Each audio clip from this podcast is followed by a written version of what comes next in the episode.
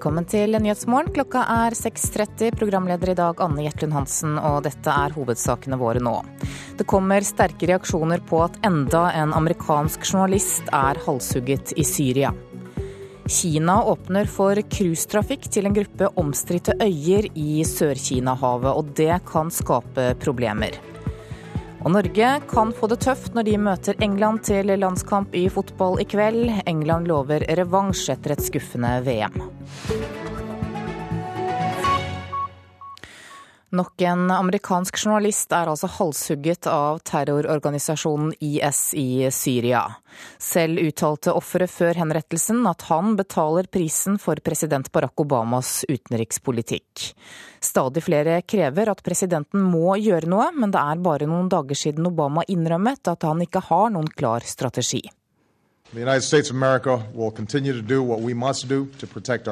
Klippet med Obama innleder IS-videoen som viser halshuggingen av journalisten Steven Sotloff. USA vil gjøre det vi må for å beskytte vårt folk, sier Obama. Den neste som snakker er Steven Sotloff selv, på kne med den sortkledde bøddelen og kniven like bak. Obama, your foreign policy of intervention in Iraq Obama, din utenrikspolitikk med intervensjon i Irak var ment å skulle beskytte amerikanske liv og interesser. Så hvorfor må jeg betale prisen for din innblanding med mitt liv? Er jeg ikke amerikansk borger? Sier Sotloff og fortsetter.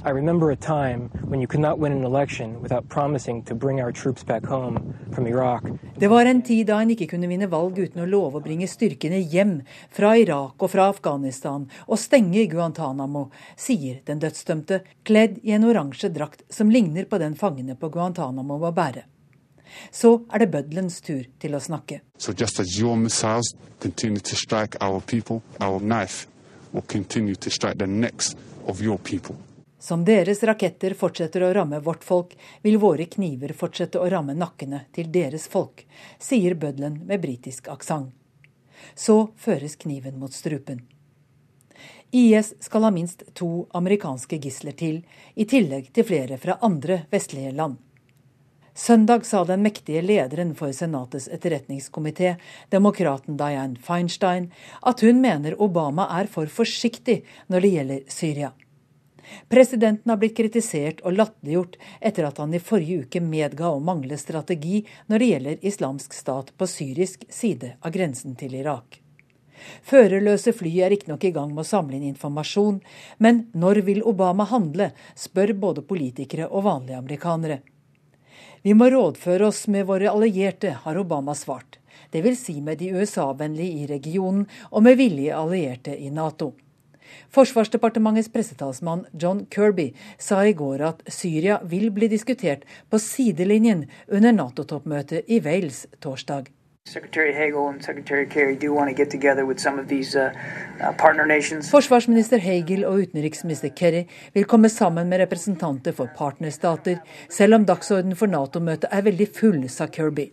Tydelig ikke helt komfortabel med å skulle svare på vegne av en president som allerede var på vei over Atlanteren til et besøk i Estland før toppmøtet i Wales. Groholm, Washington. Psykisk helsevern for barn og unge får et løft i neste års statsbudsjett. Det er enighet om at dette er et område som må styrkes, og at forebyggende tiltak og lavterskeltilbud bør prioriteres. Men konflikten står om hvorvidt de friske pengene bør øremerkes.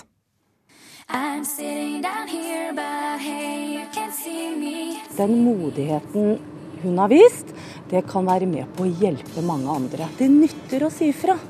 Og ikke minst, det går an å bli bedre. Generalsekretær i Rådet for psykisk helse, Tove Gundersen, mener det er viktig at personer som Lene Marlin er åpen rundt depresjon og psykiske plager. Nå er hun spent på hvordan regjeringa vil styrke kommunene på problematikk rundt unge og psykisk helse i det kommende statsbudsjettet. Gundersen mener at øremerking er nødvendig. Ja, Vi mener i Rådet for psykisk helse at det bør være øremerka midler.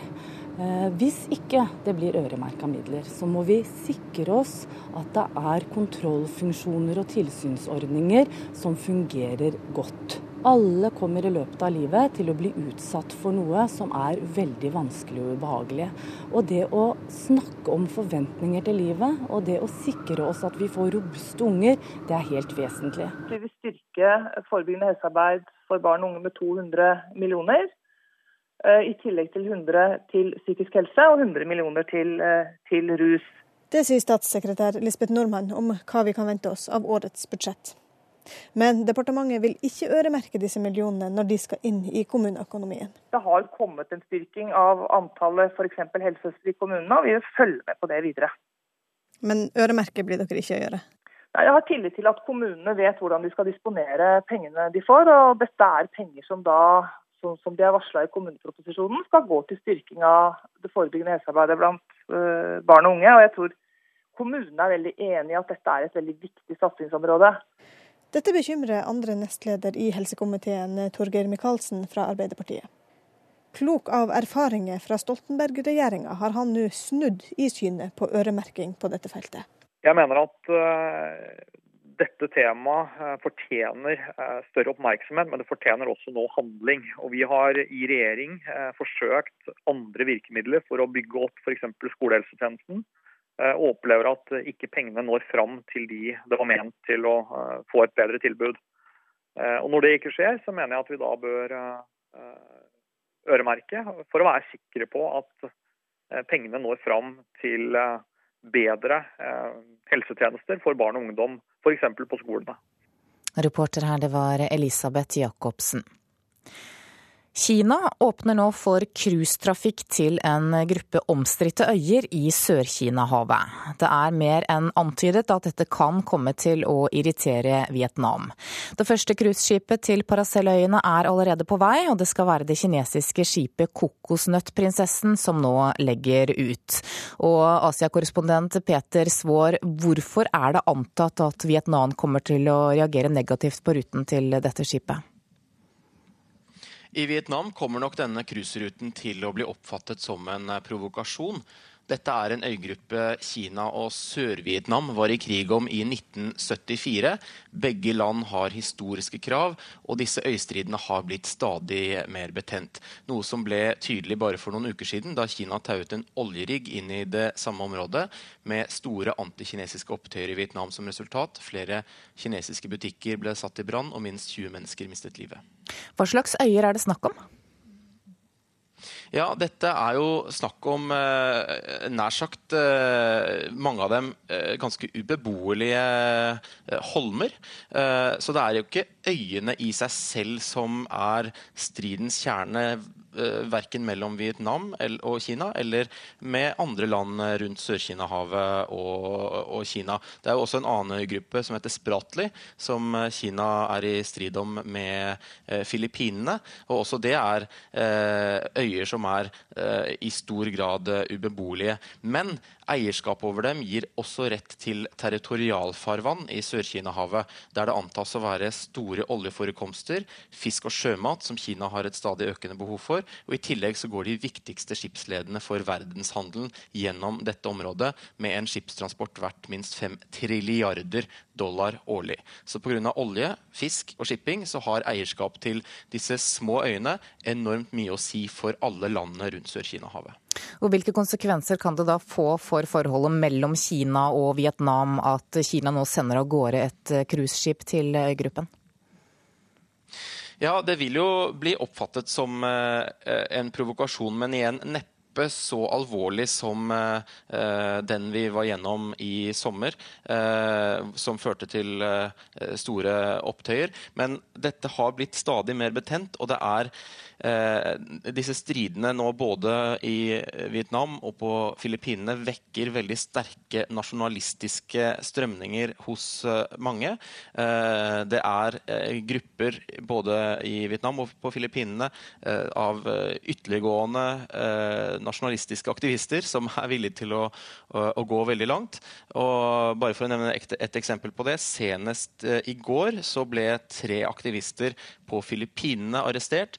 De er mistenkt for å ha planlagt bombeangrep mot uh, Kinas ambassade i Manila og et kinesisk kjøpesenter. Og bakgrunnen for det er også en uh, strid om da, en annen øygruppe i Sør-Kina-havet. Takk skal du ha, Asia-korrespondent Peter Svaar. Da skal vi se hva avisene har på forsidene sine i dag. VG skriver at norske menn mener Norge bør slå til militært mot terrorgruppen IS. Kvinner derimot er langt mer tilbakeholdne. Aftenposten forteller at 14 000 utlendinger oppholder seg ulovlig i Norge. Norske myndigheter mener at utlendinger med falsk eller ukjent identitet er et sikkerhetsproblem, og vil ha dem ut. Kina stoppet NHO-konferanse, det er overskriften i Dagens Næringsliv i dag. Norske bedriftsledere skulle denne uken møte kollegaer i byen Qingqing i det som skulle være den største og viktigste næringslivskonferansen mellom Norge og Kina siden den omstridte fredsprisutdelingen til Liu Xiaobo i 2010.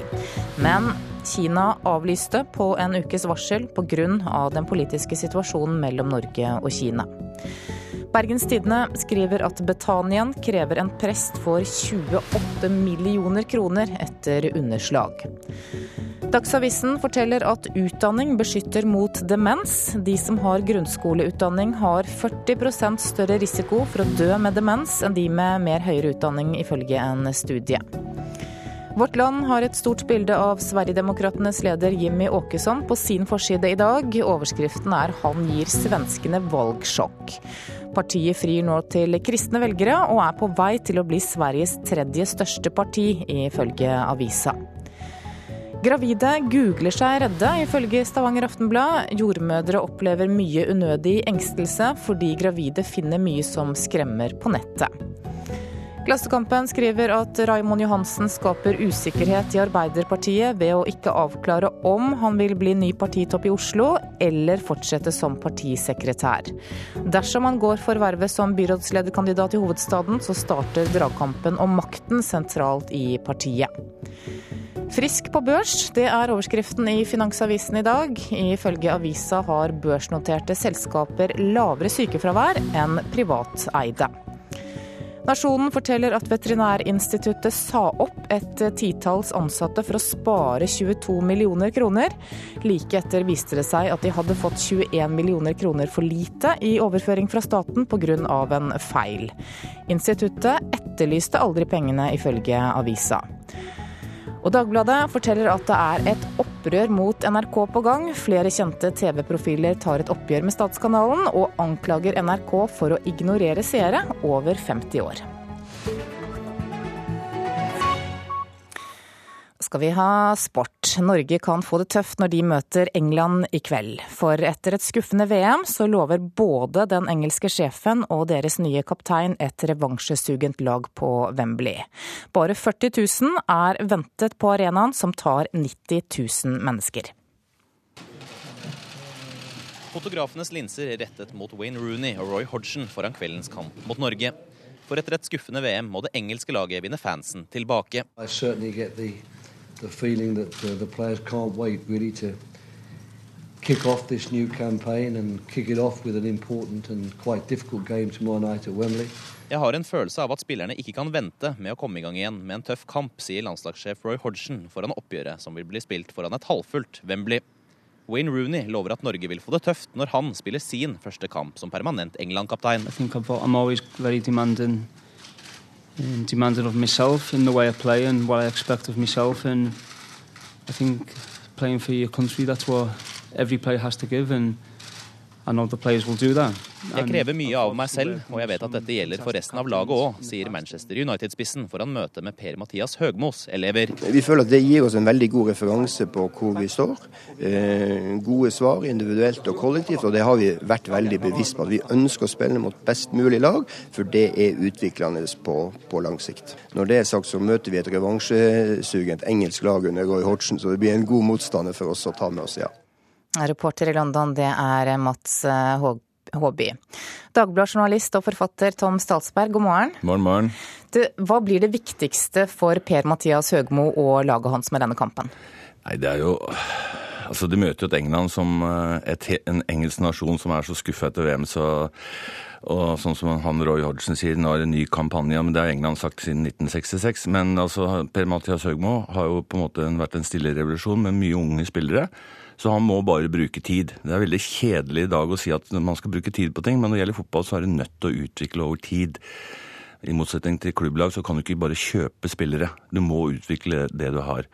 Så å spille på Wembley for eh, den gjengen der, en snittalder på noen og tjue, kan være et, et, stort løft. Et godt resultat i selvtillit. Og fotball er, det er mye talenttrening, men det er også veldig mye selvtillit. Hvem er det som må prestere i kveld? Nei, det er jo hele laget. Men, og det har jo vært litt sånn eh, Hangland er ute som kaptein. Hvem skal være kaptein? Peder Siljan Skjelbred Brede. Eh, det tror jeg er et veldig fint valg. Ehm, men det er jo også å se om det er en plan, og så må du på en måte få forsvaret til Norge å fungere, for det har jo vært, vært lekk. Men du har jo spillere som Mats Møller det er det som vi prater om hele tiden, som jeg tror kommer til å stråle i kveld. Dette er altså siste treningskamp før EM-kvalifiseringen og en vanskelig kamp mot eh, Italia. Er England den rette motstanderen i denne oppkjøringa? Ja, for, for, norske fans, og selv om nå blir bare 40 000, men det er faktisk ikke Norge. Det er England som bare er, som jeg sa i sted, så skuffa over det engelske laget. De var i VM og reiste hjem før de andre hadde nesten begynt å spille. Så, men det blir en vanskelig, selvsagt. Norge har ikke kvalifisert seg til mesterskap siden 2000. Nå skal de møte Italia, Kroatia, Bulgaria skal du ikke se bort fra. Det blir tøft, selv om nå EM i 2016 er utvida så det nesten alle i gåsehendene kan eh, kvalifisere seg. Det har vært snakk, mye, mye, snakk om 15-åringen Martin Ødegaard som hadde en solid debut mot De forente arabiske emirater. Han er ikke tatt med i troppen som skal spille i kveld. Burde han vært med? Eh, han kunne kanskje vært med å sitte på benken og bare følge det, men han skal spille. Han, eh, jeg, jeg, har jo trua på litt sånn gradvis fort gjort av hause opp spillere. Vi har sett spillere i, i de siste 50 åra som har vært veldig gode med 15-16 år. Martin Ødegaard er et supertalent, men eh, matching litt rolig. Jeg syns det er helt fint at han ikke er med. Interessen for landslaget vårt er vel ikke så stor i Norge heller akkurat nå. Hva skal til for at det blir mer entusiasme rundt landslaget igjen, tror du? Nei, men det, som Vi som har fulgt med en stund, er, vi er veldig Fotballsupportere er jo ganske enkle. Et par gode resultater, så er vi plutselig med. Men det er jo lenge siden Norge har prestert på det nivået. Gitt oss noen store øyeblikk, da. Så eh, en seier mot England i kveld, godt resultat mot Italia, så skal du se at det kommer folk på Ullevål. Jeg tror det Norge kan vinne. Mot i kveld? Ja. Nei, det blir sikkert 0-0. Dritkjedelig kamp. Takk skal du ha, Tom eh, Statsberg.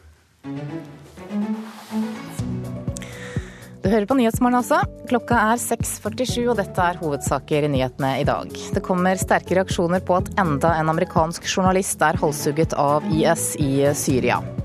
Kina åpner nå for cruisetrafikk til en gruppe omstridte øyer i Sør-Kina-havet, og det kan skape problemer. Og følg oss videre. Ubehagelige kommentarer skremmer minoriteter bort fra den offentlige debatten. Det mener flere forskere. Alle gode ting er tre, heter det i ordtaket, men mye tyder på at sørlendingene ikke helt tror på det. For etter to fantastiske somre i sør, så opplever nå flere av reisebyråene i landsdelen at folk står i kø for å sikre seg sommerferie i Syden neste år. Hei, hei. hei, hei. hjelper deg med? Du, jeg har bestilt en flybillett fra Kjøvik til Gatvik juni neste år. Oi, allerede nå? Ja. Spennende. Det er nesten ikke til å tro, men til tross for at de to siste somrene på Sørlandet har vært helt fantastiske, står nå folk i kø ved reisebyråene for å sikre seg utenlandsferie neste sommer. Kan det være at sørlendinger flest ikke tror på den tredje perfekte sommeren på rad, og dermed sikrer seg en uke eller to i Syden for å oppleve sol, sommer og badeliv? Evian Hummervoll er avdelingsleder hos Berg-Hansen reisebyrå og merker trøkket. Nå er ståa sånn at det er helt vill pågang, og eh, det er litt overraskende, for vi har jo hatt så knallfin sommer. Men kan du forklare hvorfor folk vil bestille utenlandsferie neste sommer, når vi har hatt to flotte somre på Sørlandet og i Sør-Norge de siste to årene? Jeg tenker det må jo bare ha gitt mersmak når du kommer tilbake på jobb etter to sånne smeigemåneder og, og tenker at dette vil jeg sikre meg til neste år òg. Jeg, jeg, vet ikke forklaringen, men det er ganske unormal pågang så tidlig på år august-september, for neste sommer. Eli Marie Hamre fra Hånes i Kristiansand var innom Berg-Hansen samtidig som NRK var der. Og hensikten med hennes besøk, ja, det var å skaffe seg billett til Italia i juni neste år. Det er tilfeldig, egentlig. Jeg har fått i 70-årsgave så jeg har fått 14 dagers opphold i Sorrento av min venninne i juni neste år. Men du, nå har vi hatt to nydelige somre på Sørlandet. Du, du, frykter ikke at du går glipp av enda en fin sommer på Sørlandet? da? Ja, 14 dager. Det gjør ingenting om man mister det. Men det er fra 4. juni til 23. juni, så da har jeg god tid på sommeren i Kristiansand. Det er sant, da. Ja. Har det beste igjen. Ja. Men Berg-Hansen reisebyrå er slett ikke det eneste reisebyrået som opplever mistro til den norske sørlandssommeren. Grete Tellefsen jobber ved Bennett Reiser i Kristiansand, og der er trenden akkurat den samme. I hvert fall så er det ganske stor etterspørsel etter neste sommers reiser. Statur Startur har jo allerede lagt ut flyet sitt som skal gå fra Kjevik til Kypros. Og så kommer også Tyrkia reiser med sitt. Og der har vi ventelister på folk som vil ha beskjed når det blir lagt ut.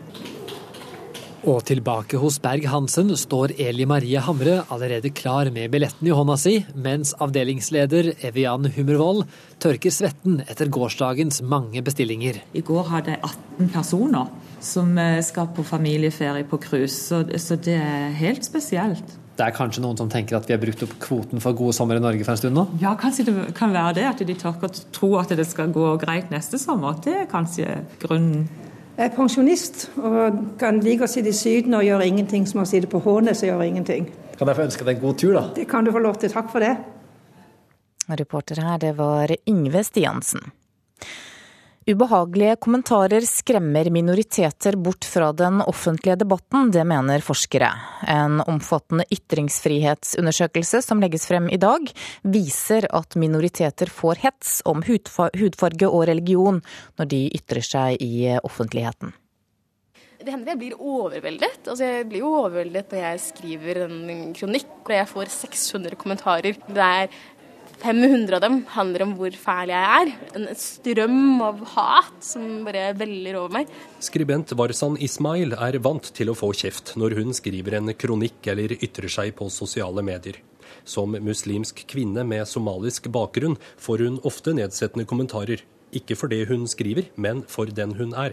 Skriver jeg om eh, integrering eller innvandring eller religion eller kjønn til og med, så kommer min bakgrunn. Så kommer det at jeg er muslim. Så kommer det at jeg er somalier. Så kommer alle de tingene man mener om somaliere, og man mener om muslimer. Og 24-åringen er ikke alene om å få ubehagelige kommentarer som er rettet mot hudfarge eller religion. En ny, omfattende undersøkelse som legges fram i dag, viser at folk med minoritetsbakgrunn oftere enn resten av befolkningen hetses for personlige egenskaper når de ytrer seg i offentligheten. Men det er store andeler også som rapporterer at de får ubehagelige og nedlatende kommentarer knytta til nasjonalitet, hudfarge, religiøs oppfatning eh, og, og etnisk bakgrunn. Det sier Arnfinn Haagensen Midtbøen ved Institutt for samfunnsforskning. Han er en av forskerne bak undersøkelsen som er gjort på oppdrag fra Fritt Ord. Forskerne er bekymret for at hetsen skremmer bort minoriteter fra å delta i samfunnsdebatten.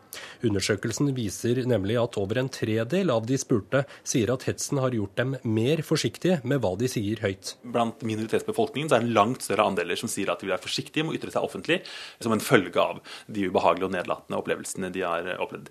Eh, for det første er det, er det ganske alvorlig, fordi det peker i retning av at et tøft offentlig ordskifte kan bidra til å forstumme eh, minoriteter. Eh, men det er klart at, at opplever du ubehageligheter og negative kommentarer som retter seg mot din identitet når du deltar, så kan det på en helt annen måte gå inn på deg og føre til en tilbaketrekning fra det offentlige rom, enn om det handler om saksinnholdet i en kronikk f.eks. For Warsan Ismail er det ikke aktuelt å slutte å skrive. Hun mener hetsen er noe man rett og slett må godta om man vil delta i det offentlige ordskiftet. Jeg tror man må godta det, for jeg kan ikke se et alternativ. Alternativet er jo å ha et samfunn der vi knebler eh, over lav sko, og det, det vil jeg ikke. Og Det sa Warsan Ismail til reporter Halvor Haugen, og du kan lese mer om undersøkelsen på nrk.no ytring. Unge artister som deltar i talentkonkurranser får for dårlig oppfølging når lysene skrus av. Det mener en manager som har flere tidligere deltakere fra slike konkurranser i sin stall. Utspillet kommer etter at Lene Marlin i en kronikk i Aftenposten snakket åpent om presset i musikkbransjen, som til slutt førte til at hun fikk selvmordstanker.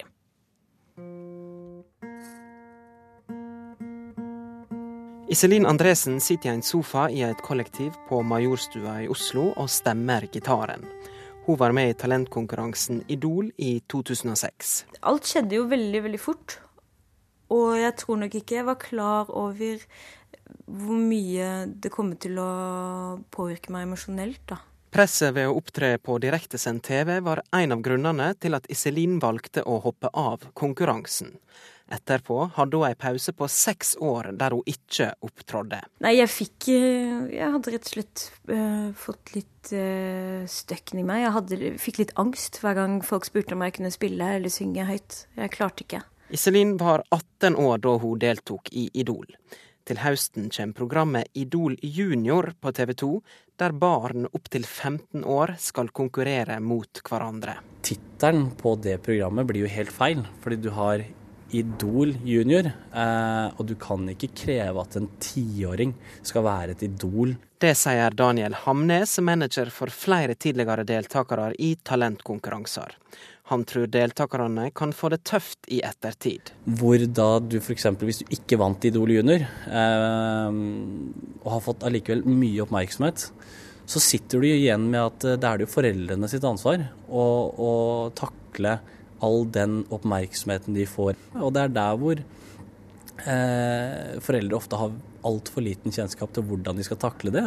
Den oppfølgingen fra eh, oss må jo nødvendigvis ta, ta slutt. Eh, og da er det sånn at hvis, hvis en ser, eh, både hvis vi ser det, eller hvis deltakerne sjøl føler for, så, så, så, hjelper vi dem med, med oppfølging eh, på, på, hjemstedet der de, der de bor. Sier pressetalsmann i TV 2 Bjarne Låstad. Han understreker at deltakerne i Idol junior ikke vil få krasse tilbakemeldinger, slik som i voksenversjonen av programmet. Du var den sterke, du var stødig som et fjell. Men det var noe der i blikket likevel. Iselin Andresen har begynt å spille igjen etter den lange pausen. Hun ville helst ha vært foruten deltakinga i talentprogrammet. Jeg eh, har alltid sagt ja, bla, bla, bla. Den erfaringen har gjort meg til et rikere menneske. Men sannheten er at jeg ja, angrer litt på det, ja. Jeg tror at, eh, at det gjorde noe med meg som gjorde at jeg fikk det ganske vanskelig etterpå. Reporter her, det var Lars Ivar Nordahl. Da skal vi se på et værvarsel som gjelder til midnatt. Fjellet i Sør-Norge kan vente seg noe skyet i vest og nord i dag, ellers til dels pent vær og lokal morgentåke. Østafjells skiftende bris, fra i ettermiddag sørvestlig periodevis frisk bris på kysten øst for Oksøy. Noe skyet i nordlige områder, ellers for det meste pent vær. Det er også ventet lokal morgentåke. Rogaland skyet eller delvis skyet, stort sett opphold. Hordaland sørlig bris, periodevis frisk bris på kysten. Skyet eller delvis skyet og litt regn av og til i ytre strøk. Sogn og Fjordane kan vente seg sørlig liten kuling på kysten. Ved Stad sørvestlig stiv kuling. I ytre strøk litt regn, og i indre strøk skyet eller delvis skyet oppholdsvær. Møre og Romsdal på kysten sørvestlig liten kuling. Skyet eller delvis skyet oppholdsvær, og i kveld litt regn på Sunnmøre. Sør-Trøndelag liten kuling på kysten, for det meste skyet og stort sett opphold. Nord-Trøndelag sørvestlig frisk bris, opp i stiv kuling på kysten. Skyet, litt regn vesentlig først på dagen og i nord. Nordland og Troms på kysten og i fjellet periodevis stiv kuling, regn og lokalt store nedbørsmengder vest for Lyngsalpan. Finnmark sørvestlig opp til frisk bris. På kysten i vest liten kuling. I kveld periodevis stiv kuling. Regn av og til, vesentlig i kyst- og fjordstrøkene og lokalt store nedbørsmengder i vest. Og på Nordensjøland på Spitsbergen er det ventet østlig liten kuling utsatte steder. Skyet, litt regn eller sludd, vesentlig i øst. Så tar vi med noen temperaturer som ble målt klokka fem. Da hadde Svalbard lufthavn to grader, Kirkenes tolv, Vardø ti, Alta elleve. Tromsø 12, Bodø og Brønnøysund 13. Trondheim og Molde 12, Bergen 14, Stavanger 13. Kristiansand 10, Gardermoen 12, Lillehammer 10, Røros 5 og Oslo-Blindern 14 grader.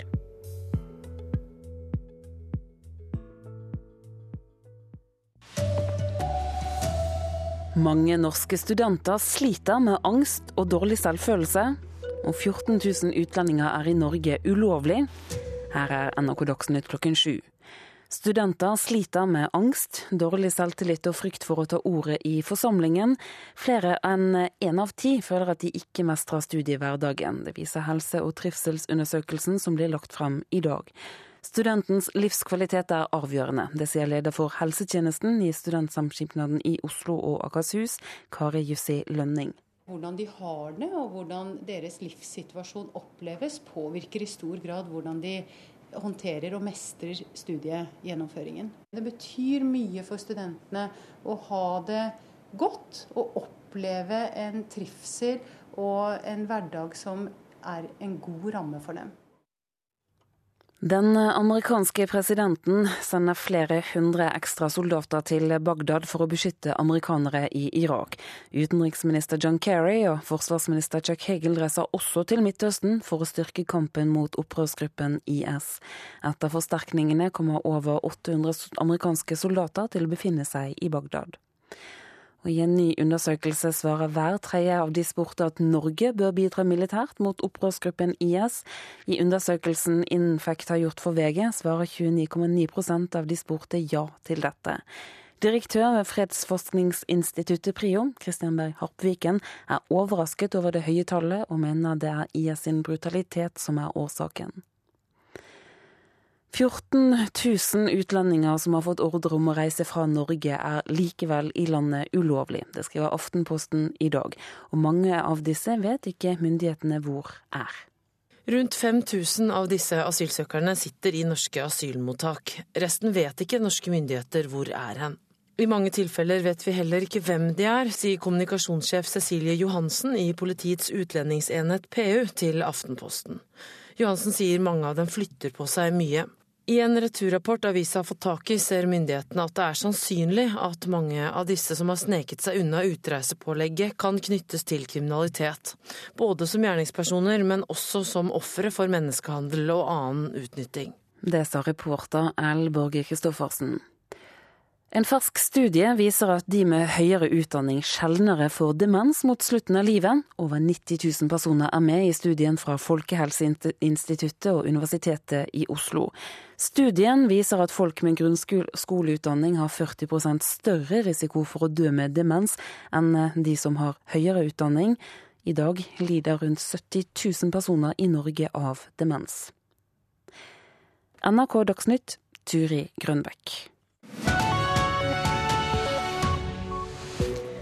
Klokka er 7.03. Nyhetsmorgen fortsetter med Anne Jetlund Hansen i studio. Dette er våre hovedsaker. USA sender flere soldater til Irak. Samtidig kommer det sterke reaksjoner på at nok en journalist er henrettet av IS. Studenter sliter med angst og dårlig selvtillit. Og skinn fra norske kuer gir rådyre luksusvesker til Europa.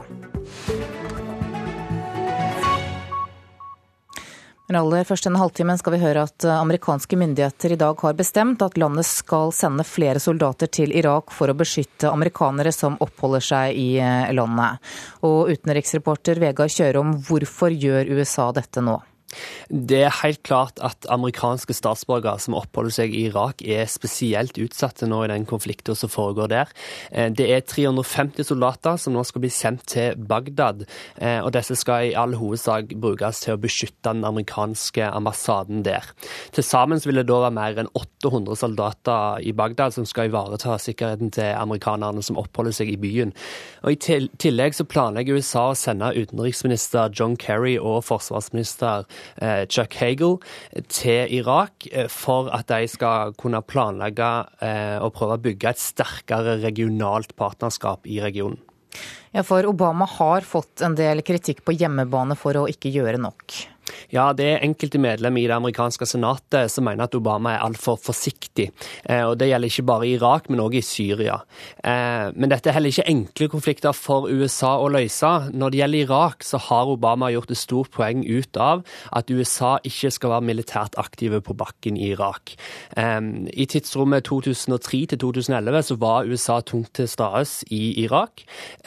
Og operasjonen til USA har i ettertid fått mer kritikk enn ros. De har bl.a. blitt skylda for å bidra til at terrorgrupper har vokst fram i Irak og vokst seg sterkere. At USA nå skal gå inn med bakkestyrker i Irak, sitter derfor veldig langt inne og har ikke blitt nevnt som et alternativ. Men USA kan vel angripe fra luften? Eh, ja, og det er det de òg gjør nå. USA har bistått irakiske og kurdiske styrker i kampen mot IS, og har gjennomført rundt 120 luftangrep eh, den siste tida. Bl.a. i kampen om den store Mosul-dammen, som er et viktig strategisk punkt i, i krigen som pågår i Irak. Og amerikanske borgere er et attraktivt mål for terrorgruppen IS. I går ble nok en amerikansk journalist halshugget av terrororganisasjonen i Syria. Selv sa offeret før henrettelsen at han betaler prisen for president Obamas utenrikspolitikk.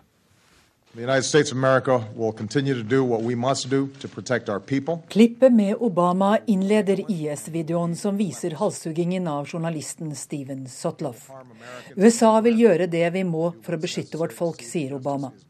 Den neste som snakker er Steven Sotloff selv, på kne med den sortkledde bøddelen og kniven like bak. Obama, your foreign policy of intervention in Iraq was supposed to be for the preservation of American lives and interests. Obama, din utenrikspolitikk med intervensjon i Irak var ment å skulle beskytte amerikanske liv og interesser. So why is it that I'm having to pay the price of your interference with my life? Så hvorfor må jeg betale prisen for din innblanding med mitt liv? Er jeg ikke amerikansk borger? sier Sotloff og fortsetter.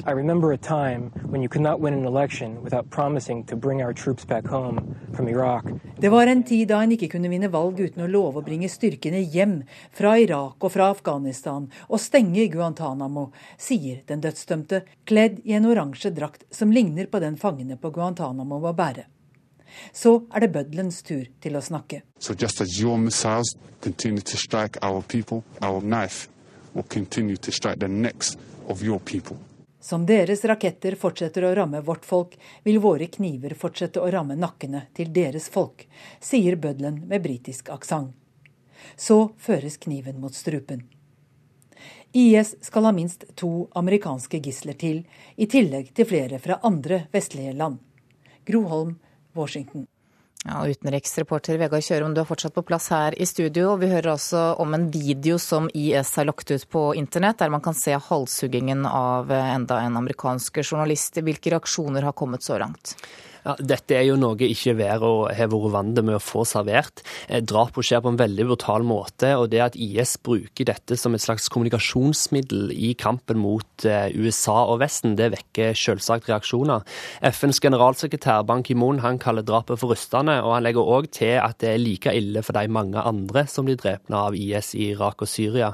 Eh, Frankrikes president Francois Hollande han sier at dette drapet viser IS sin usselhet, og den britiske statsministeren statsministeren eh, David Cameron han kaller drapet for motbydelig avskyelig. I tillegg så har dette drapet vekt store, eh, eller sterke reaksjoner hos eh, journalistiske organisasjoner rundt om i verden.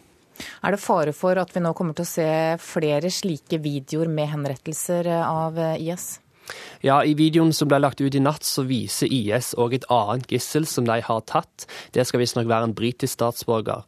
Og som Gro Holm sa i reportasjen vi nettopp hørte, så har òg eh, IS flere andre vestlige gissel som risikerer å bli drept.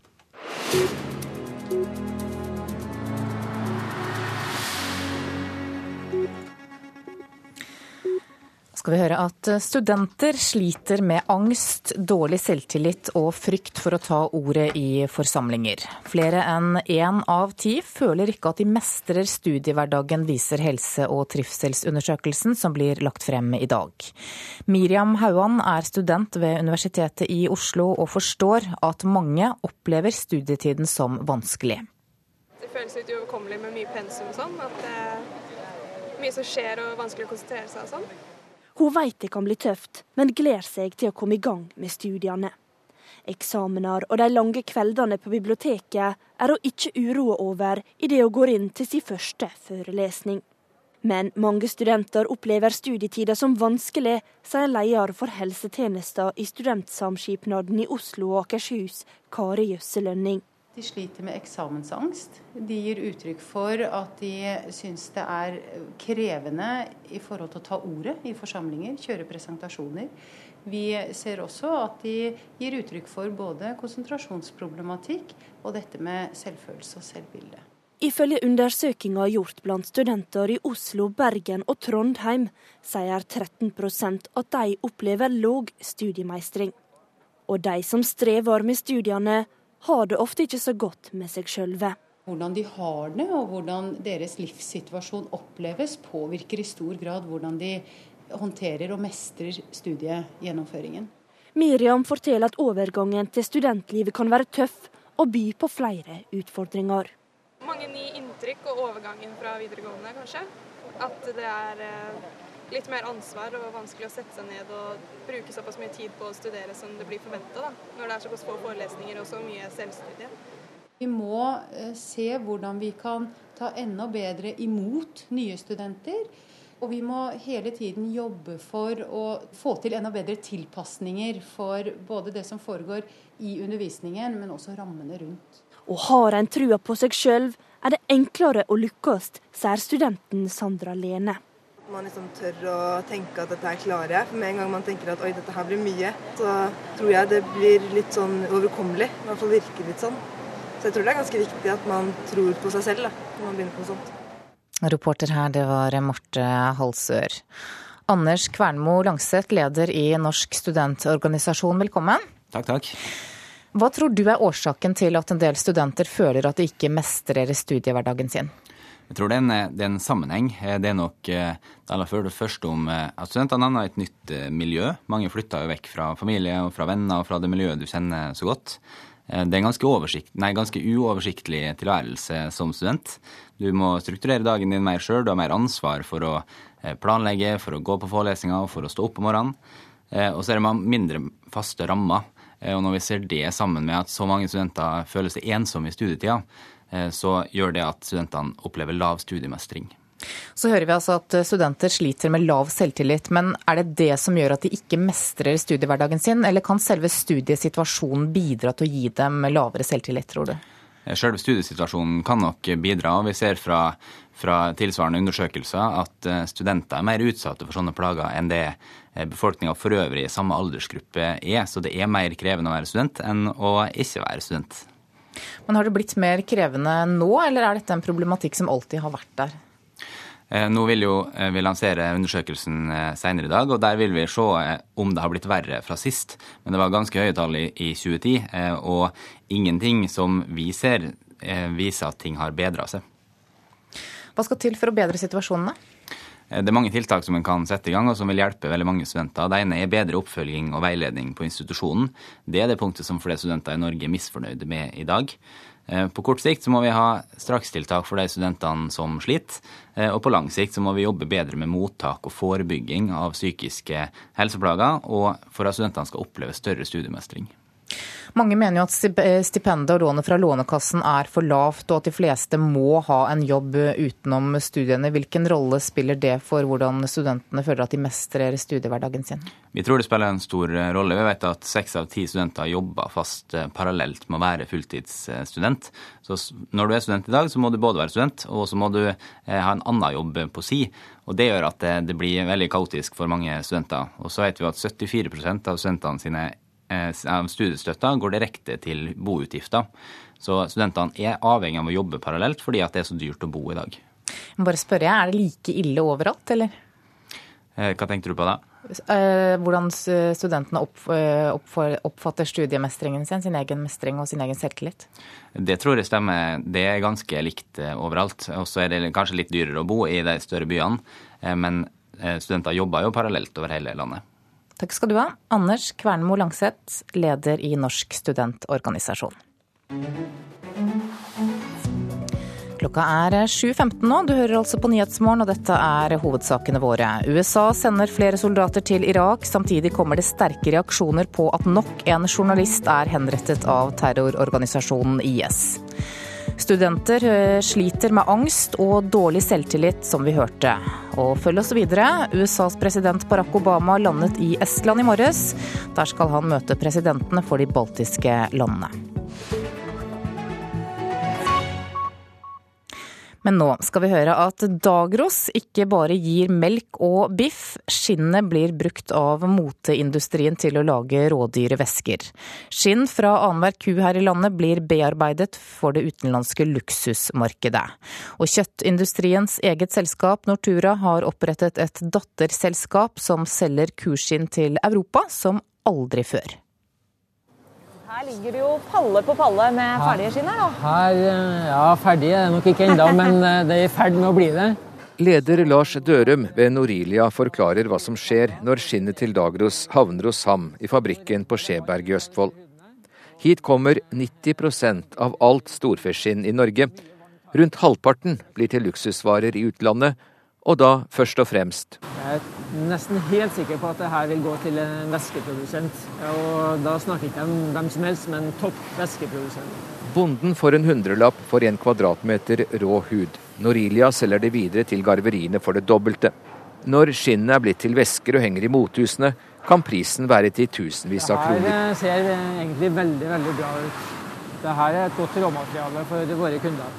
Skinnet til Dagros selger mange ganger mer enn noe annet storfeskinn i Europa, ifølge Dørum. Det er fordi norske bønder er flinke med dyra, og fordi vi leverer skinn uten skader, sier han. F.eks. i Norge så har vi eh, veldig lite piggtråd. Det er jo ikke lov å ha det i, eh, i utmark. Så vi eh, slipper masse skader som du ikke skal lenger til, enn til Sverige for å finne eh, mye av. For eksempel, those goes from around 300, 350. Yeah. Vi har tatt turen lenger enn til Sverige. I væskefabrikken Sapaf utenfor Firenze i Italia forteller daglig leder Leonardo Calistri hva noen av væskene hans koster, og at de beste råvarene kommer fra Norge if you see some special bags in a shop, I, I think the, the, the most goes from the Norway. Og det blir mer om denne saken i Forbrukerinspektørene i NRK1 i kveld klokka 19.45. Reporter her, det var Hans Jørgen Solli. I Somalia så er en ny offensiv mot terrorgruppen Al Shabaab i gang. Et ubemannet amerikansk fly skal ha drept en av verdens mest ettersøkte terrorister. Men Al Shabaab nekter for at deres leder var blant de drepte etter angrepet, forteller vår Afrikakorrespondent Sverre Tom Radøy. Dronen skal ha fyrt av ti raketter mot bilkolonnen med ledere for Al Shabaab nær havnebyen Barave sør for Mogadishu. Minst seks personer ble drept, ifølge TV-stasjonen Al-Jazeera, mens USAs myndigheter fortsatt holder kortene tett til brystet. Men om en av de drepte skulle være lederen Ahmed Abdi Godane, ja, så er en av verdens mest ettersøkte terroristledere tatt av dage.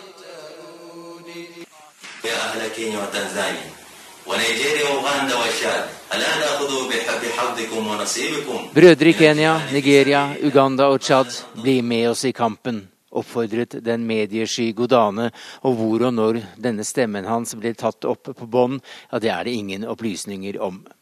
Men om stemmen faktisk er forstummet nå, kan de som sto bak tipset som førte til at han eventuelt ble drept, innkassere nærmere 40 millioner kroner. Dusøren betales av USA.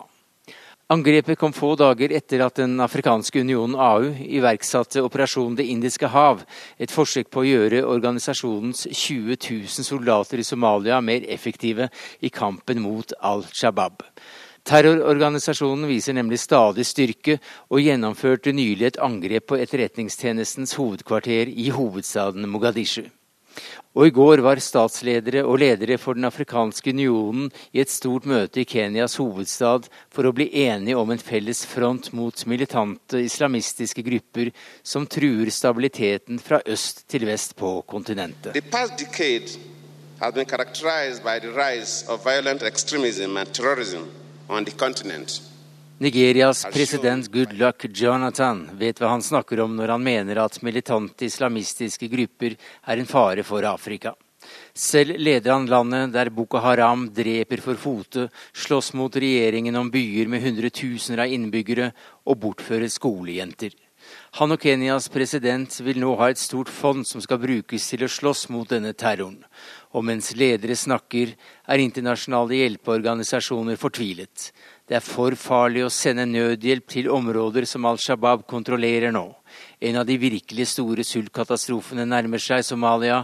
For tre år siden døde over 250 000 mennesker av sult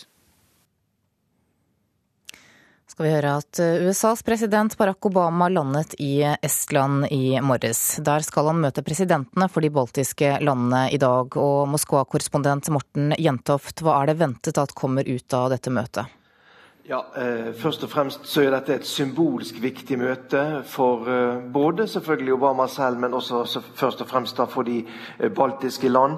I den spente situasjonen som Europa står nå midt oppi, med en krig øst i Ukraina. Eh, de baltiske land eh, føler seg ikke direkte truet, men de føler i alle fall presset, mener de, fra Russland. De frykter kanskje ikke et direkte militært angrep, men de frykter at kanskje kan Russland eh, komme til å å legge økt press på disse landene. Det finnes store russiske minoriteter både i Estland, Latvia og også etniske russere i Litauen. Og vi har sett tidligere at man f.eks. har brukt eh, eh, eh, elektroniske medier da, til å øke press, skape uro i disse landene her. Eh, sånn at eh, Først og fremst så er dette et symbolsk viktig besøk. Det er ikke ventet at Obama kommer med store, konkrete løfter her. Men alle de baltiske land er medlem av Nato, og dermed eh, er de en del av denne såkalte eh, eh, dette paragraf 5, som sier 'alle for én, én for alle'. Sånn at de har da Natos sikkerhetsgaranti, i alle fall på papiret, i ryggen. Og I går så var Estlands president i Norge, og da sa han bl.a. at Estland ønsker faste Nato-baser i landet som en beskyttelse mot Russland. Hvordan blir det mottatt av russerne dersom det blir en realitet? Dette skjer jo da samtidig som eh, russiske myndigheter sier at de nå vil revurdere sin militære strategi på nytt. Mikhail Papov, som sitter i Det nasjonale sikkerhetsrådet, sier at Nato nå oppgraderes til å være en hovedtrussel ifra, eh, sett fra russisk side. Eh, og både Nato-utvidelsen, den økte Nato-aktiviteten i, i, de baltiske land, og dette nye amerikanske antirakettforsvaret blir sett på som direkte trussel trusler mot, eh, mot russiske interesser. Sånn at eh, Det som nå skjer, det skrur bare eh, spenningen i Europa ytterligere opp. og Det ser jo ikke ut at det er noe vilje på noe hold å sette seg ned og forhandle og finne frem til løsninger som, kan komme ut, som man kan komme ut av denne, denne spiralen. Og fra Estland så skal Obama videre til Nato-toppmøte som starter i Wales i morgen. I hvilken grad kommer konflikten mellom Russland og Ukraina til å overskygge dette møtet helt? Ja, Den kommer til å dominere det møtet helt uh, fullstendig. Det, den, russisk, den, ukrainske presidenten Pjotr Porosjenko uh, drar jo selvfølgelig også dit. Uh, vi ser at Ukraina nå endrer sin strategi også, der man åpner for tettere samarbeid med, med, Nato. Noe som jo har virkelig vært en torn i øyet på russiske myndigheter, som mener at dette da bare viser at de har rett når de har sagt at Vesten egentlig ønsker bare å innringe Russland og ikke ønsker et, et reelt samarbeid. Sånn at uh, Det møtet der det kommer nok helt til å bli dominert av den krigen som pågår øst i Ukraina. Takk skal du ha, Moskva-korrespondent Morten Jentoft. Da skal vi se hva avisene har på forsidene sine i dag. VG skriver at norske menn mener Norge bør slå til militært mot terrorgruppen IS. Kvinner derimot er langt mer tilbakeholdne. Aftenposten forteller at 14 000 utlendinger oppholder seg ulovlig i Norge. Norske myndigheter mener at utlendinger med falsk eller ukjent identitet er et sikkerhetsproblem, og vil ha dem ut av landet. Kina stoppet NHO-konferanse, det er overskriften i Dagens Næringsliv i dag. Norske bedriftsledere skulle denne uken møte kollegaer i byen Qingqing i det som skulle være den største og viktigste næringslivskonferansen mellom Norge og Kina siden den omstridte fredsprisutdelingen til Liu Xiaobo i 2010. Men Kina avlyste på en ukes varsel pga. den politiske situasjonen mellom Norge og Kina. Bergens Tidende skriver at Betanien krever en prest for 28 millioner kroner etter underslag. Dagsavisen forteller at utdanning beskytter mot demens. De som har grunnskoleutdanning har 40% større risiko for å dø med demens enn de med høyere utdanning, ifølge en studie. Vårt Land har et stort bilde av Sverigedemokraternas leder Jimmy Åkesson på sin forside i dag. Overskriften er 'Han gir svenskene valgsjokk'. Partiet frir nå til kristne velgere, og er nå på vei til å bli Sveriges tredje største parti, ifølge avisa. Gravide googler seg redde, ifølge Stavanger Aftenblad. Jordmødre opplever mye unødig engstelse fordi gravide finner mye som skremmer på nettet. Klassekampen forteller at Raimond Johansen skaper usikkerhet i Arbeiderpartiet ved å ikke avklare om han vil bli ny partitopp i Oslo eller fortsette som partisekretær. Dersom han går for vervet som byrådslederkandidat i hovedstaden, så starter dragkampen om makten sentralt i partiet. Frisk på børs, det er overskriften i Finansavisen. Ifølge avisa så har børsnoterte selskaper lavere sykefravær enn privateide. Nasjonen forteller at Veterinærinstituttet sa opp et titalls ansatte for å spare 22 millioner kroner. Like etter viste det seg at de hadde fått 21 millioner kroner for lite i overføring fra staten pga. en feil. Instituttet etterlyste aldri disse pengene, ifølge avisa. Denne uka så holdes det kurs i villreinjakt på Norefjell reinsjøfjell i Buskerud. Kurset er egentlig bare for damer, men én hane er likevel med i kurven, nemlig kursleder Eivind Lurås. Og han har stor tro på at flere og flere damer trekkes til Snaufjellet under reinsjakta. Det er, veldig, det er veldig moro å ha damer på kurs jevnt, for de er veldig jevnt mye mer lærevillige, eller fy enda bedre med kanskje, enn det mange karer gjør på kurs. De er veldig interessert i å lære nye ting. Det, det er veldig moro. Er det økende interesse for uh, reinsjakt uh, hos damene? Ja, det er det. Altså, uh, det er jo økende interesse generelt for jakt hos damer. Det er jo noe som er jobba for både gjennom Jeger- og Fiskerforbundet sin, sin, satsing og, og, og gjennom Q-senteret, her, og, prøve å få med flere jenter og damer ut på jakt. Veldig moro, det. Eh, og reinsjakt er jo òg jakt som sliter litt med rekrutteringen. Så, så vi trenger enda flere reinsjegere for at vi skal opprettholde det jakttrykket vi har. Gry Kopperud fra Ål er en av de fem damene som i dag jakter villrein under kyndig veiledning på Norefjell reinsdyrfjell. Hovedårsaken til at Gry meldte seg på kurset, er rett og slett fordi at hun følte hun kunne for lite om denne typen jakt. For å lære noe fordi at jeg har følelsen at eh, da får jeg litt mer. Vi jenter er litt sånn. Vi vil gjerne ha ting skikkelig. Vi vil ha det perfekt, det. Vi vil ha det perfekte, vet du.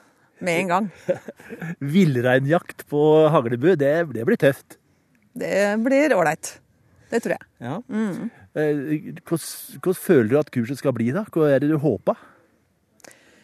Det er jo Ja, selvfølgelig så håper vi at vi finner noe dyr, og om ikke annet så i hvert fall vi ser de. Og så håper vi at vi får jo skutt noen. Ja. ja. Kunne tenke meg kalv, jeg for min del, da. Du kunne det? ja, ja, ja.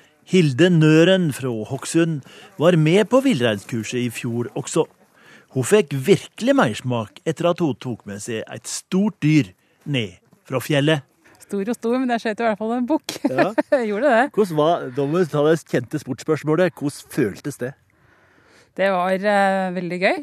Uh, du blir ganske ydmyk. Mm. Uh, og veldig letta når du så at bukken datt. Ja. ikke hadde skadeskutt. Ja. Det, det var det beste av alt. Instruktør Eivind Lurås har mange grunner til å arrangere villreinskurset nettopp rett i nærleiken av Haglebu, og heller ikke langt fra Flå, der jakt- og fiskesenteret ligger. Jo, her, her på Reinsjøfjell, Nord, Nordfjell Reinsjøfjell, som området her heter, så det er jo det nærmeste området til jakt- og fiskesenteret som jeg jobber på, eh, som arrangerer kurset her. Og, og det er absolutt det som er passer best altså for, for, et kurs slik. Vi har eh, rein som er forholdsvis stasjonær, eller i hvert fall ikke altfor store områder. Det er forholdsvis sikkert å møte dyr. Eh, vi får oppleve jaktsituasjoner i praksis, og vi har nærheten til jakt- og fiskesenter i tillegg. Så det, det er et område som passer kurset veldig bra.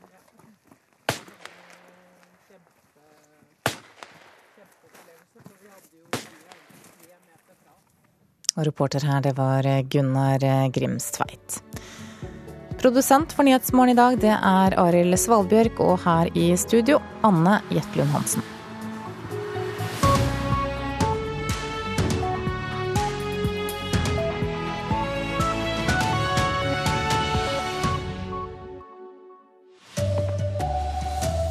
Ny halshugging av journalist i Syria vekker avsky og fordømmelse. Studenter sliter med angst og dårlig selvtillit. Og Dagros gir mer enn melk, hun blir også til luksusvesker. Her er NRK Dagsnytt klokken er 7.30. Studenter sliter med angst, dårlig selvtillit og frykt for å ta ordet i forsamlinger. Flere enn én en av ti føler at de ikke mestrer studiehverdagen. Det viser helse- og trivselsundersøkelsen som blir lagt frem i dag. Miriam Hauan er student ved Universitetet i Oslo, og forstår at mange opplever studietiden som vanskelig. Det føles litt uoverkommelig med mye pensum og sånn. At det er mye som skjer og vanskelig å konsentrere seg og sånn.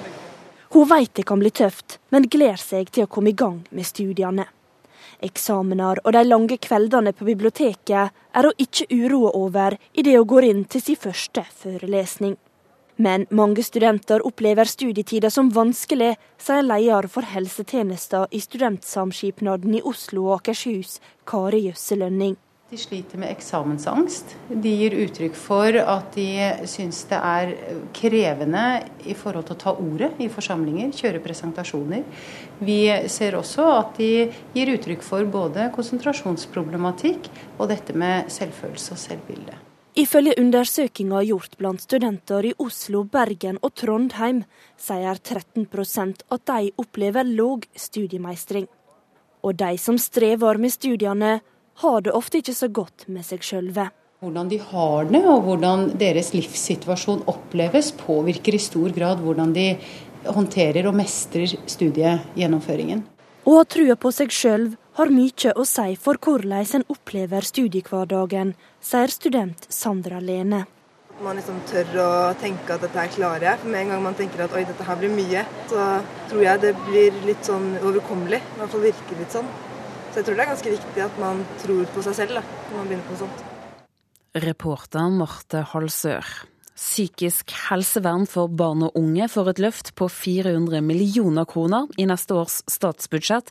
Pengene skal i stor grad brukes til bedret skolehelsetjeneste. Flere partier og organisasjoner mener pengene bør øremerkes, men det ønsker ikke regjeringen å gjøre. Ja, Vi mener i Råd for psykisk helse at det bør være øremerka midler.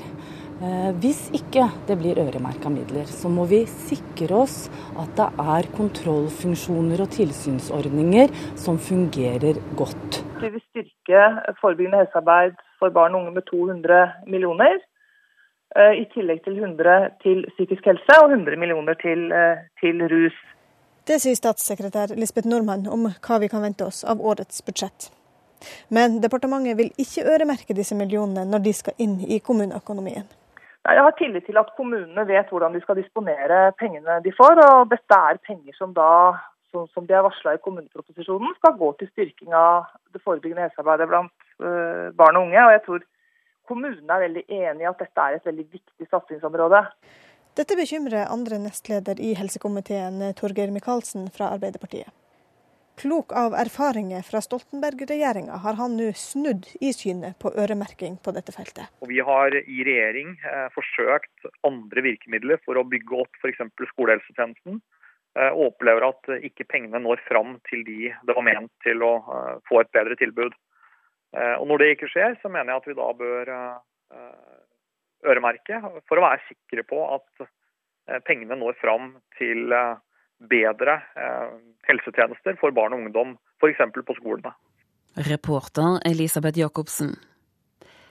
14 000 utlendinger som har fått ordre om å reise fra Norge, oppholder seg ulovlig i landet. Det skriver Aftenposten.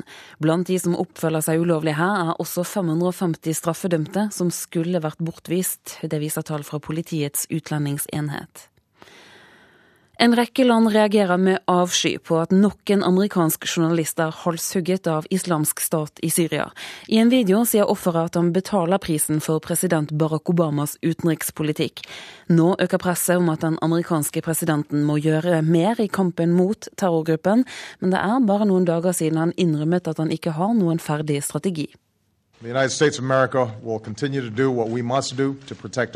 Klippet med Obama innleder IS-videoen som viser halshuggingen av journalisten Steven Sotloff.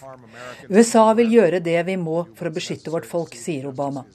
Den neste som snakker er Steven Sotloff selv, på kne med den sortkledde bøddelen og kniven like bak. Obama, your foreign policy of intervention in Iraq was supposed to be for the preservation of American lives and interests. Obama, din utenrikspolitikk med intervensjon i Irak var ment å skulle beskytte amerikanske liv og interesser. So why is it that I'm having to pay the price of your interference with my life? Så hvorfor må jeg betale prisen for din innblanding med mitt liv? Er jeg ikke amerikansk borger? Sier Sotloff og fortsetter.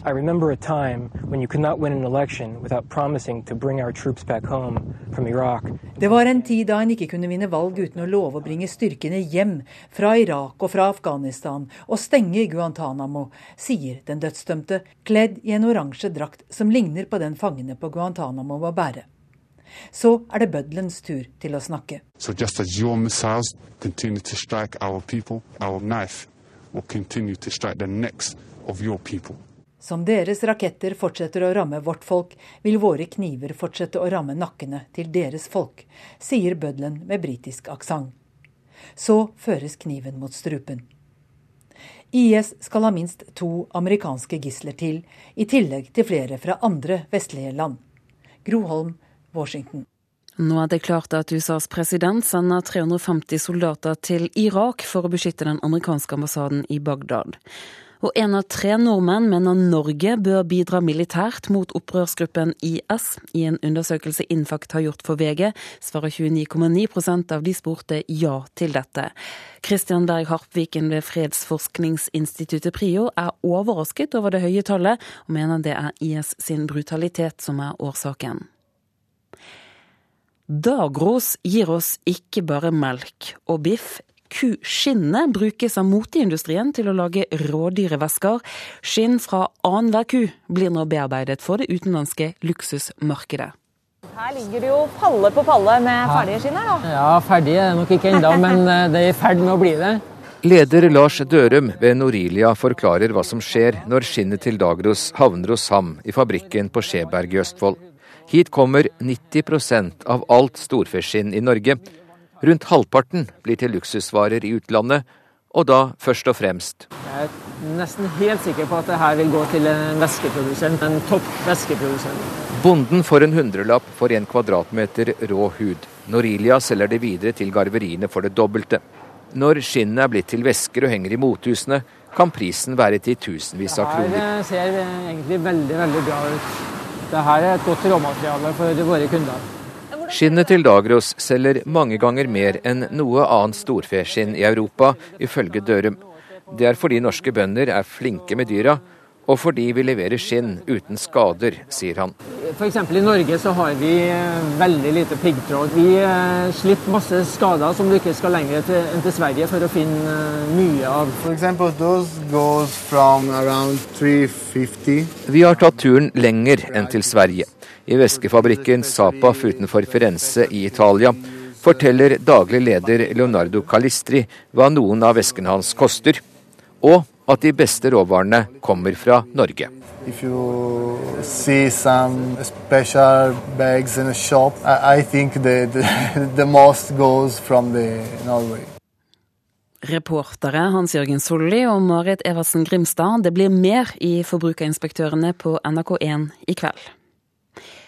Herrelandslaget i fotball kan få det tøft når de møter England i kveld, for etter et skuffende VM lover både den engelske sjefen og deres nye kaptein et revansjesugent lag på Wembley. Fotografenes linser rettet mot Wayne Rooney og Roy Hodgson foran kveldens kamp mot Norge. For etter et skuffende VM må det engelske laget vinne fansen tilbake. I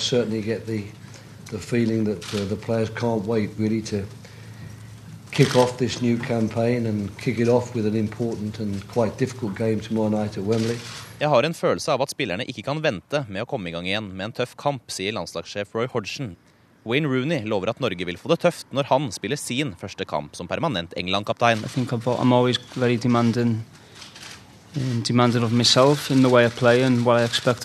krever mye av meg selv, og jeg vet at dette gjelder for resten av laget òg, sier Manchester United-spissen foran møtet med Per-Mathias Høgmos elever. Reporter i London Mats Håby, du hører kampen på NRK P1 i kveld. Ansvarlig for Dagsnytt nå, Elin Pettersen. Lars Tronsmoen har det tekniske ansvaret. Her i studio, Turi Grønbekk.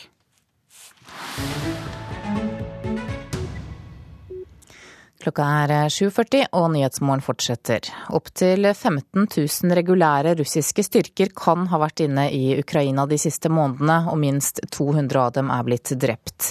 Det hevder russiske menneskerettighetsgrupper. Moskva-korrespondent Morten Jentoft har laget denne reportasjen.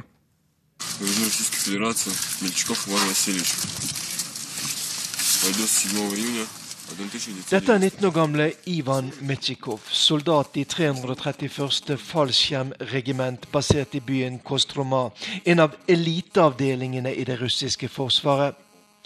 I slutten av august ble han tatt til fange inne på ukrainsk territorium, og nå har den ukrainske sikkerhetstjenesten offentliggjort et forhør av den unge soldaten om hvordan han havnet inne på ukrainsk territorium.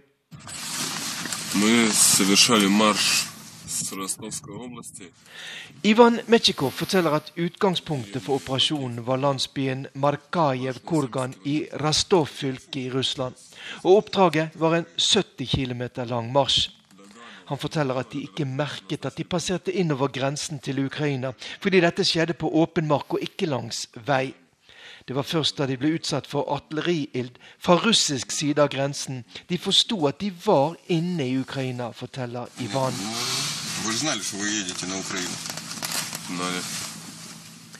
Han sier at han likevel forsto at målet for operasjonen var Ukraina, men at han ikke visste hva slags oppdrag de skulle utføre. Selv om dette altså er et forhør utført av ukrainske militære, og vi ikke vet hva slags press Ivan Metsjikov har vært utsatt for, så er det likevel interessant å få et innblikk i hvordan den russiske militære operasjonen inne i Ukraina nå foregår. Gjennom slike intervjuer danner det seg et bilde av en operasjon der soldatene får vite svært lite om hva de skal være med på. Bare at inne i Ukraina er det fascister og juntaen i Kiev som terroriserer den russisktalende sivilbefolkningen øst i landet.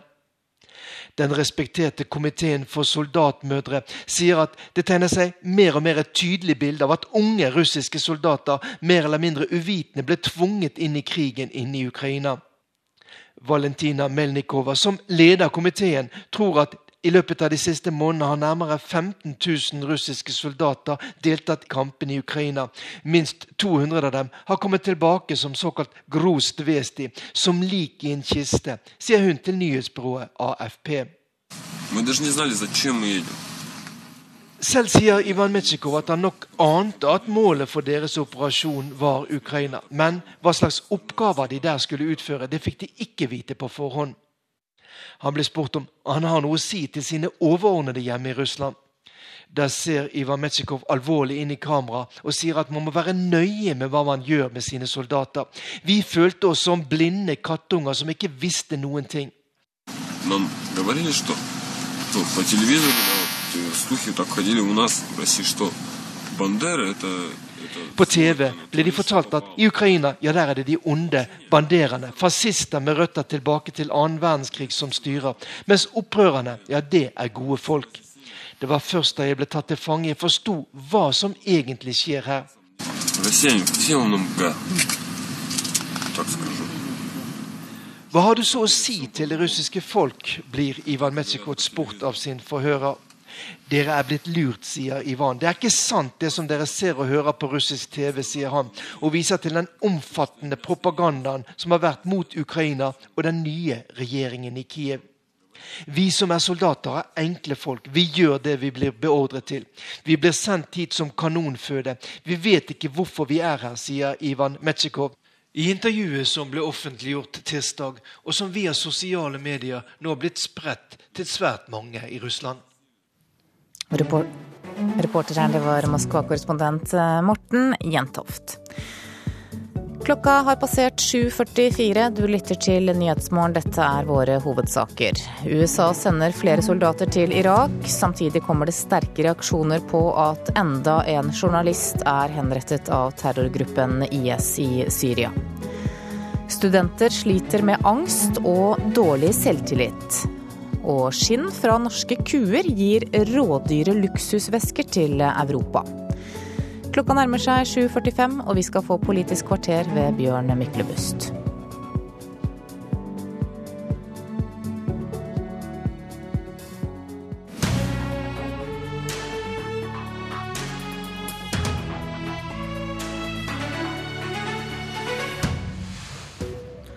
Bør vi være nervøse for hva Børge Brende driver med? Eller er historien om Stoltenberg som stoppet et knefall for Kina, i siste sving en effektiv vaksine. Og hvis forholdet til Kina blir bedre, vil vi få vite hvordan det skjedde. Politisk kvarter med storpolitikk og skolefrukt. Men alle er ikke her. Jeg må være så ærlig og innrømme at jeg ikke sitter her med gjestene jeg ønsker. Beklager og god morgen, Audun Lysbakken og Christian Norheim. Ja, god morgen. Men Støre, Stoltenberg, Barth Eide, Brende og Solberg viste ingen synlig interesse for å utdype Norges forhold til Kina i går. Dagens Næringsliv har avslørt hvordan rød-grønne regjeringen jobbet med et dokument der det sto at Norge beklaget fredsprisen til Liu Xiaobo, og at vi skulle forsøke å forhindre at Nobelkomiteen gjorde noe slikt igjen. og SV-leder Audun Lysbakken, du var partileder for et rød-grønt regjeringsparti når dette foregikk. og Hvordan reagerer du på at det skjedde bak din rygg? Ja, Dette er en prosess som eh, jeg ikke har eh, deltatt i. Eh, så velger jeg å tro at dette var en diskusjon mellom Arbeiderparti-statsråder som statsministeren jo konkluderte riktig på. Hadde han ikke gjort det, så regner jeg med at han ville måttet diskutere det med de andre regjeringspartiene. Men det ja, Kunne dette blitt norsk politikk uten at du fikk det dokumentet på ditt bord? Det kan jeg ikke se for meg. Det ville jo i så fall vært eh, veldig veldig alvorlig. Det er klart at det måtte vært diskutert med, med alle regjeringspartiene. Eh, men det som er avgjørende her, er at statsministeren faktisk valgte å gjøre det rette, nemlig å si nei til knefall. For innholdet i dette dokumentet, sånn som det er skissert, er jo eh, alvorlig av to grunner. For det første så ville det være Eh, å gi et signal til Kina som eh, regjeringen ikke har noen eh, mulighet til å gi. En slags innrømmelse av en styring av Nobelkomiteen som er feil. Og for det andre så vil det være galt. Altså Norge har ingenting å unnskylde overfor Kina. Kina er et diktatur med alvorlige menneskerettighetsbrudd, og det må vi kunne si tydelig fra om i Norge. Stoltenberg og Barth Eide er ute av norsk politikk, men det kan man ikke si om Støre. Mener du vi bør få vite mer om hans rolle? Altså, jeg er for så vidt mer interessert i å få vite noe om hva Støre og Arbeiderpartiet mener nå. For det som har skjedd eh, denne våren, er jo at Arbeiderpartiet har ligget veldig lavt eh, rundt diskusjonen om Dalai Lama, og hva slags strategi Norge nå skal ha. Og jeg mener det ville være bra om både Arbeiderpartiet og Høyre nå kunne komme ut og si noe om hvor grensene går for eh, hvor langt Norge skal gå for å bli forlikt med Kina igjen. Kristian Norheim, du sitter i utenrikskomiteen for regjeringspartiet Fremskrittspartiet. og hvor går grensen hvis utenriksminister Børge Brende kommer med et dokument til dere i et dunkelt belyst rom? Nei, altså når du kommenterer den siste saken som var til DN, så kjenner jo ikke jeg bakgrunnsmaterialet for den. Jeg kjenner ikke, jeg må på en måte ta det, et forbehold om at det er riktig, den fremstillingen som er gjort der. Og det er klart, der går grensen i hvert fall. Eh, at, man, eh, at Jens Stoltenberg satte ned foten på det, det er veldig bra. Eh, og det er jeg helt sikker på at det ville også nåværende regjering gjort. Når det er sagt, så er det en prioritert sak som jeg støtter, å normalisere forholdet mellom Norge og Kina igjen.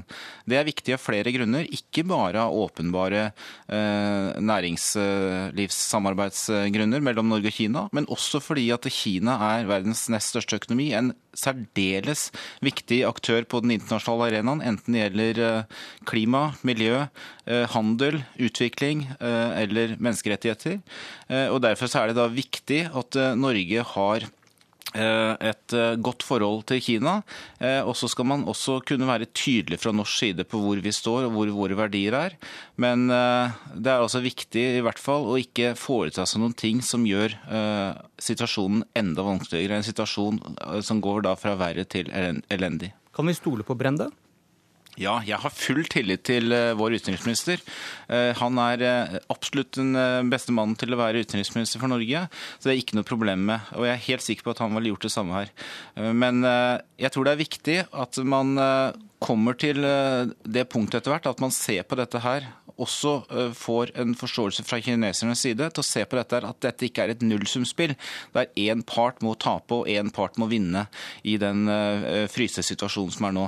Eh, det er i norsk interesse og i Kinas interesse at forholdet mellom Norge og Kina normaliseres. og Da må vi være enige om å være uenige om noen ting, og så må vi også kunne vise respekt for hverandre. Lysbakken, regjeringen fikk tung kritikk for at den ikke ville møte Dalai Lama i vår for ikke å provosere Kina.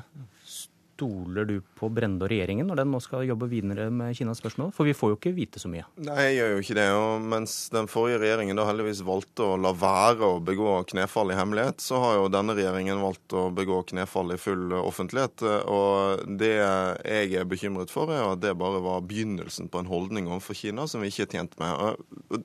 Alle er for å bedre relasjonene til Kina, men det er ikke uviktig hvordan det skjer. Og La meg gi to grunner til det. Det ene er jo rett og slett solidariteten med tibetanerne og andre som lider under overgrep eh, i Kina. Og Vi er jo en unikt privilegert situasjon i Norge. Vi har en mulighet som få andre land til, eh, har til å si fra, rett og slett fordi vi er såpass rike og såpass trygge som vi er. og Da må vi vise at vi har større verdier enn penger. Men det andre er altså egeninteressen. Jeg tror det er ganske farlig for Norge over tid å vise oss som et land som lar oss presse av stormakter. Og Det var det regjeringen gjorde i vår. Eh, jeg tror at et lite land trenger en forutsigbar Eh, verdibasert utenrikspolitikk, der de store landene vet hvor de har oss. Og det er et farlig signal både til Kina, men også til andre stormakter, hvis Norge nå sier at vi er et land som lar oss presse, og som kan trues til å endre holdninger og posisjoner i viktige saker. Han stoler ikke på dere, Norheim? Nei, altså Jeg er enig med Audun Lysbakken i at det spiller en rolle hvordan vi søker å normalisere forholdet til Kina og Norge. Og så er jeg uenig med, med Audun Lysbakken også i en ting, og det er jeg syns den er blåst opp av dimensjoner, den saken med Dalai Lama sitt private besøk til Norge. Eh, når det er sagt, så eh, betyr det jo faktisk noe at man ikke da eh, nødvendigvis foretar seg ting som gjør det forholdet enda verre. Fordi det er ekstremt viktig at vi da kommer i en posisjon igjen med Kina som gjør at det faktisk er mulig å føre samtaler på ting som da kan føre verden framover, også som er i tråd med norske verdier, som er da grunnlaget for vår politikk.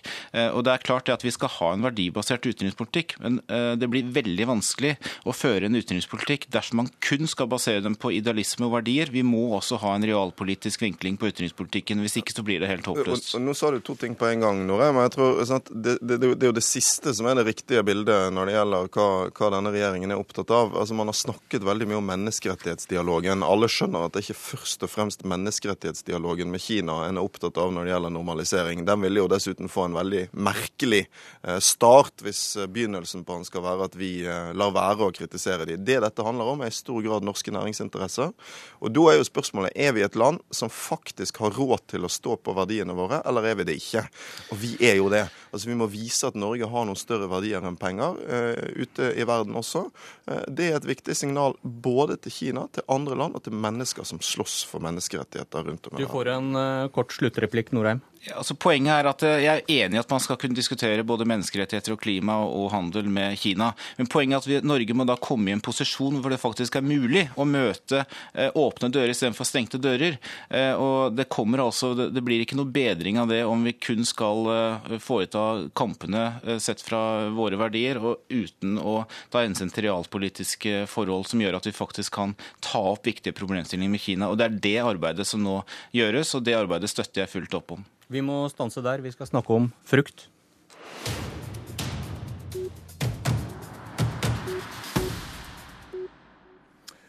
God morgen, Kristin Vinje fra Høyre. Ja, god morgen. Blir du overrasket hvis din egen regjering gjeninnfører skolefrukt i statsbudsjettet som kommer snart? Ja, da vil jeg bli veldig overrasket, ja. For det tror jeg ikke kommer til å skje. Du ble ikke overbevist av professoren i Dagsavisen i går, som hevder at nye funn viser at skolefrukt får barn til å droppe usunn mat. Nei, jeg ble ikke overrasket. Det jeg ble overrasket over, er at det fremstilles som en nyhet. Det er jo ikke noen nyhet at frukt er sunt, så det blir liksom et pussig oppslag når man eh, fremstiller dette som nye funn. SV-leder Audun Lysbakken, skolefruktens evige forsvarer. Eh, du kan vel være enig i at lærer er viktigere enn eple? Ja, det kan jeg. Det som er nytt med den forskningen som har kommet nå, det er at den så tydelig viser at eh, skolefruktordningen har to viktige effekter. Det ene er at den har fått eh, mange ungdommer til å eh, spise mindre snop og snacks. Men enda viktigere at den har ført til en langvarig endring av kosthold i sunnere retning. Og Det er jo to grunner til at vi har vært for skolefrukt. Det ene er at vi rett og slett tror det er en sammenheng mellom næring og læring. Akkurat som at voksne trenger lunsj på jobben for å prestere, så trenger barn mat på skolen.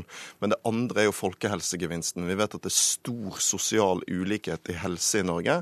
og denne forskningen viser at hvis vi legger til rette for bedre vaner for alle, så har det en gevinst. Jeg syns det er ganske utrolig, hvis vi tenker på de siste åtte årene, at den saken som kanskje har vært mest latterliggjort i norsk politikk, er dette. SV har altså nærmest blitt mobbet av Høyre og Venstre i åtte år for å slåss for skolefrukt. Jeg håper jo, når de ser hva slags effekt en sånn ordning har, at Høyre er litt flau over at de har gjort det til liksom et sånt spørsmål som, som nærmest er, er, latterlig og uviktig. Du hørtes ikke så flau ut, uh, Vinje, der du sitter i Trondheim? Nei, jeg er ikke flau. For det som jeg syns er litt eh, pinlig med dette, er at det vi vet fra annen forskning, er at en lærer har mye større effekt på elevene enn det frukt har. Altså Hattie, som er en anerkjent skoleforsker, han har listet hvilke faktorer som påvirker læring best. Og det å gi frukt og grønt i skolen, det liksom ligger på 123. plass av 138 faktorer. Og så vet vi det at gode lærere ligger høyt oppe, og det er vi alle enige om. Og Derfor så vil Høyre heller prioritere å satse på gode lærere, på etter- og videreutdanning. Så dette handler om å prioritere, og vi ønsker å prioritere det som er det viktigste, og det er gode lærere. Men det er jo bare i Høyre sin verden at en motsetningsforhold mellom skolefrykt og lærere Nei, det er ikke, ikke det. Nei, jo, men dette har dere gjort for å kunne lage en sånn populistisk, opportunistisk motsetning der du skulle si at noen er opptatt av kunnskap og andre er opptatt av bananer. Nei, for, det... så, for det første så er det helt åpenbart at det er en sammenheng mellom næring og læring. Men for det andre er det også helt åpenbart at man har råd til både lærere og skolefrykt. Det som dere gjorde når dere tok bort skolefryktordningen, var at i det samme budsjettet bruke omtrent like mye penger på å øke alkoholkvotene for voksne. Det er det snakk om er en vanvittig folkehelsepolitikk, og det må med respekt å melde være lov å si at det var en vill prioritering. Det er jo det dere må forsvare. Hvorfor var det viktigere med mer alkohol til voksne enn frukt til barn? Det vi må forsvare, det er at vi prioriterer å bruke mer penger. Vi bruker 240 millioner kroner mer på etter- og videreutdanning av lærere enn det den rød-grønne regjeringen gjorde. Og det er fordi vi prioriterer å etter- og videreutdanne lærere fremfor det å gi frukt. Vi er helt enig i at frukt er viktig, men vi mener at det kan foreldrene sende med mye lettere enn foreldrene kan bidra med gode lærere. Hvis vi skal se på hva som er viktig for staten å gjøre, så er det å sørge for god læring. Og vi vet at vi har utrolig mange utfordringer i den norske skolen. Og vi vet også at det å ha gode lærere, det er det som er det aller viktigste for å styrke skolen. For dette er vel også, Lysbakken, et spørsmål om grenser for politikk, og at noe kan overlates til foreldrene. De kan ikke gjøre så mye med lærerne. Det vi ser er jo at det er mange barn som ikke har med seg mat på skolen. Det er mange barn som spiser usunt. Og da kan man selvfølgelig velge å si det, det får være opp til foreldrene, men da tar man et veldig bevisst valg. Og det er at man ikke bryr seg med de barna som ikke har foreldre som gjør den jobben. Jeg mener at samfunnet skal ta et ansvar for å gi barn en mest mulig lik start i livet. Eh, og jeg syns at dette viser kan si, den eh, minst sympatiske siden ved høyrepartiene, nemlig at de eh, fører en politikk som prioriterer de som har mest fra før. Og det gjelder også da i oppvekstpolitikken, der de barna som kommer på skolen da, uten mat, ikke blir prioritert. Og Det, det Vinje ikke svarer på, det er at prioriteringen her har aldri vært mat eller lærere. Dette er først og fremst et helsepolitisk tiltak, et viktig folkehelsetiltak. Men der har altså regjeringen valgt f.eks. istedenfor å bruke like mye penger på å redusere taxfree-kvotene, og dermed gi folk billigere alkohol. Det er den prioriteringen hun må svare for. Vinje, er dere enig i at eh, skolemat bidrar til å utjevne sosiale forskjeller, eller er det jo omstridt? Hvis Audun Lysbakken ser hva som skjer i Oslo, der hvor vi har ført Høyre skolepolitikk i mange år, så ser vi at det er den skolen som fører til større sosial mobilitet enn noen annen skole. Der klarer vi gjennom å satse målrettet på læring, åpenhet og ressurser der vi trenger det mest, og klarer å skape sosial mobilitet. Og Det er jeg faktisk veldig stolt av, og da er det veldig mye viktigere med andre ting enn akkurat frukt. Men, det vet vi. Men du svarer ikke på spørsmålet mitt, og det er hva slags folkehelsepolitikk er det å kutte frukt til barn og ungdom og gi billigere alkohol til voksne? Kort, ti sekunder.